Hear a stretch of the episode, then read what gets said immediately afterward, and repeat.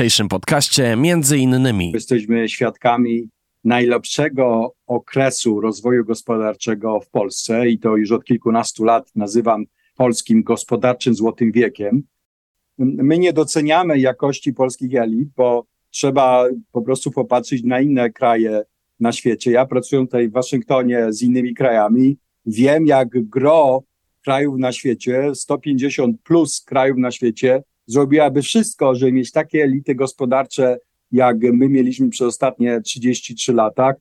Więc naprawdę nasz dług publiczny cały jest na niskim poziomie i co ważne, nasz dług prywatny, bo to też jest ważne, jest jeszcze niższy w stosunku do innych krajów e, w całej Europie. Więc nie jest prawdą, że tak jak może kiedyś Grecja i inni rozwijaliśmy się na kredyt, odwrotnie tych sterydów dłużnych żeśmy nie używali i nasz sukces właśnie się wziął z realnego rozwoju i z realnego, czy przyjmując jako definicję klasy średniej, że klasą średnią są ludzie, którzy po prostu nie żyją w biedzie i którzy nie muszą się martwić, czy im wystarczy pieniędzy do końca miesiąca. Pod tym względem myślę, że 500 plus zwiększyło e, polską klasę średnią o setki tysięcy rodzin. 500 plus i kilka innych polityk jest bardziej korektą, e, e, słuszną i uzasadnioną korektą tego neoliberalnego podejścia, które królowało przez większość transformacji.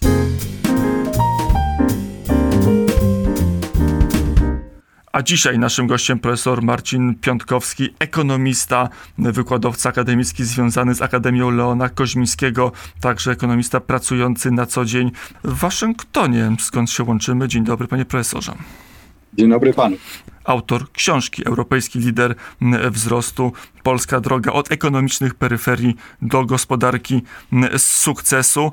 I od tego chciałbym wyjść, panie profesorze, bo pana książka zrobiła na polskim rynku wydawniczym, ale też w polskiej debacie publicznej i, debacie politycznej duże wrażenie. Jak to właściwie jest? Dlaczego Polska stała się europejskim liderem wzrostu ostatnich trzech dekad?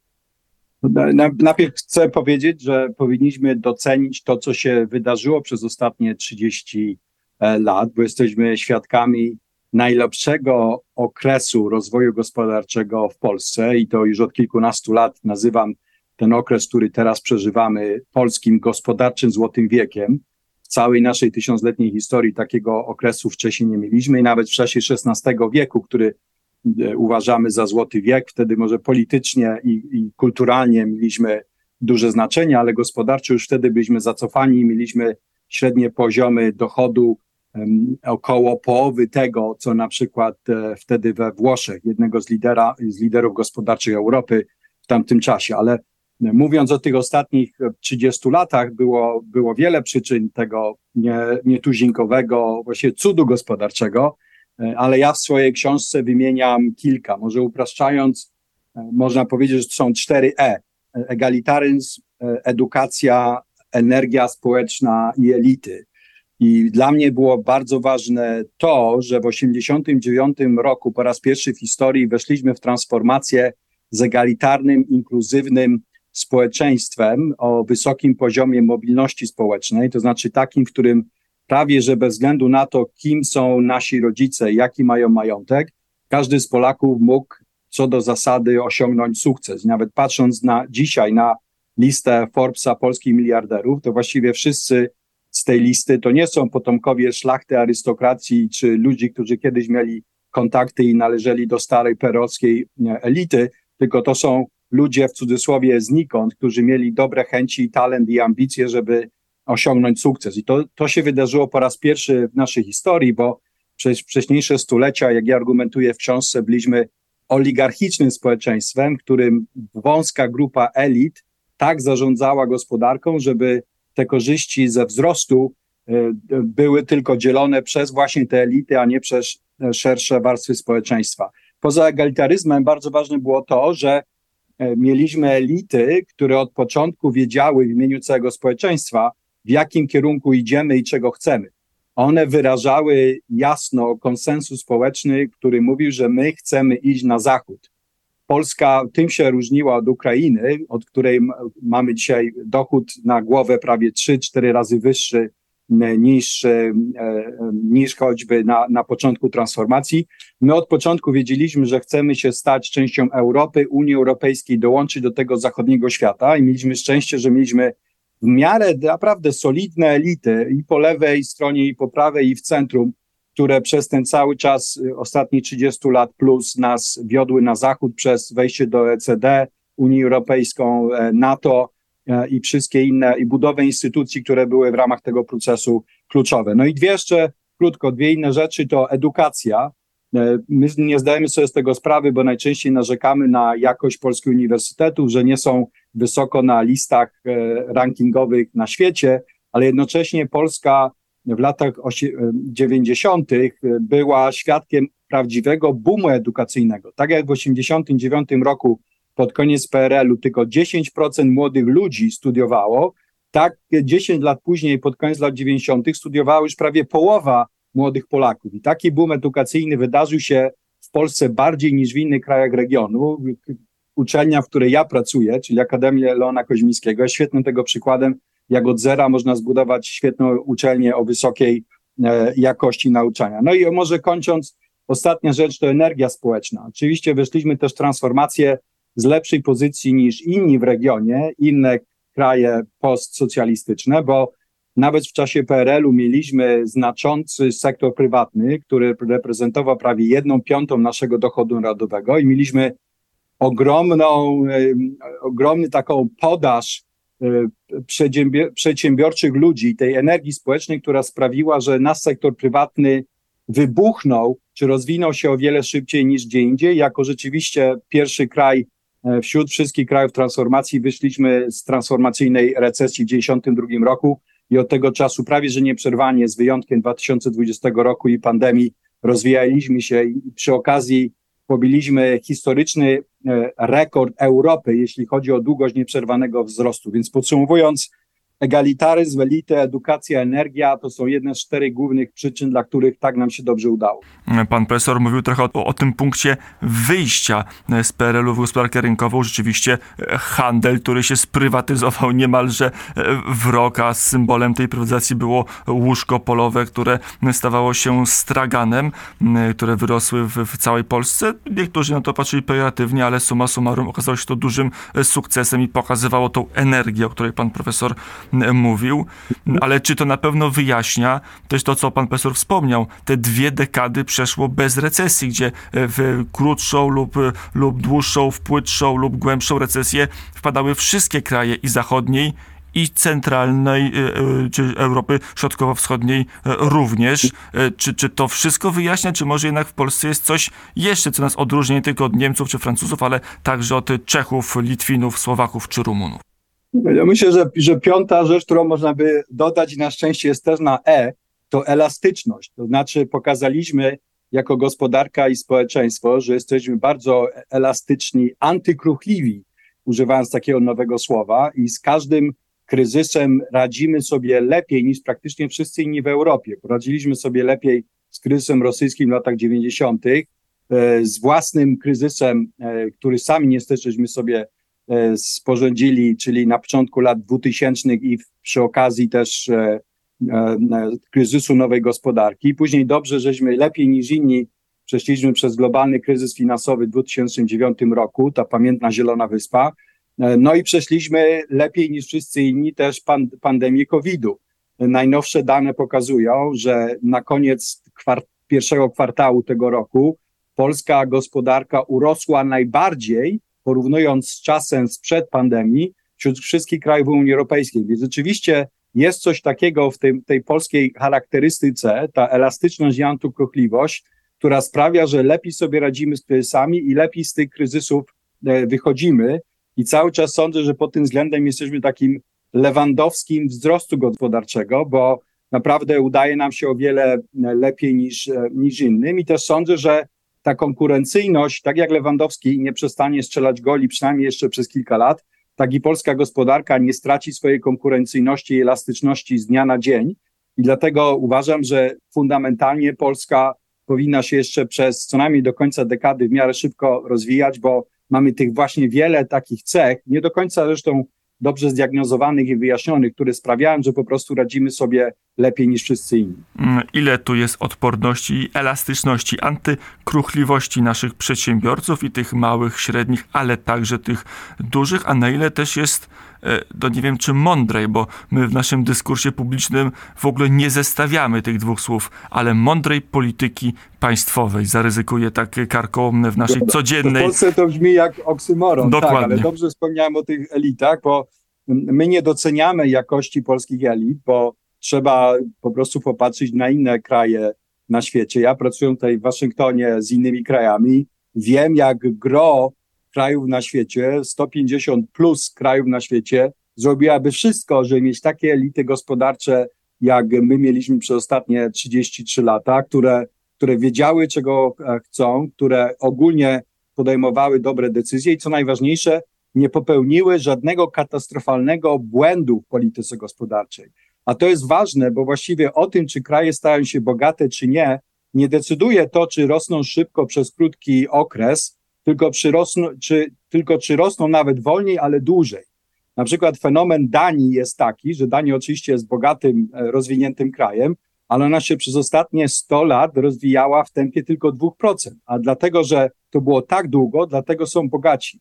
Więc i to, co sprawia, że ktoś jest bogatym i, i, i, e, i pozostaje bogatym, właśnie kluczowe jest to niekoniecznie jak, w jakim tempie się rośnie, tylko czy się unika tych kryzysów, które sprawiają, że się często traci dekady rozwoju wcześniej, tak jak to było w Argentynie, w Brazylii i w kilku, e, czy w kilkunastu innych przypadkach na świecie. Więc pod tym względem e, trzeba pochwalić polskie elity, znowu od lewa do prawa i, i w centrum, że przez ten cały czas i nawet teraz, od 2015 roku, żadnych takich katastrofalnych błędów gospodarczej nie popełniliśmy podkreślmy gospodarce, gospodarczej, bo o e, gospodarce przecież e, mówimy, panie profesorze, a tak pojawia się często, czy nawet może, można powiedzieć pokutuje w naszej debacie publicznej stwierdzenie, że to wszystko jest na kredyt, że Polska jest koszmarnie zadłużona i już tuż, tuż za rogiem e, czeka nas katastrofa i trzeba będzie te olbrzymie długi spłacać. Jak to jest? To był rozwój na kredyt, czy rozwój na realnych, twardych podstawach? to nie był rozwój na kredyt, to był rozwój oparty o, o nasze kwalifikacje, mózgi, ciężką pracę, e, pod i krew.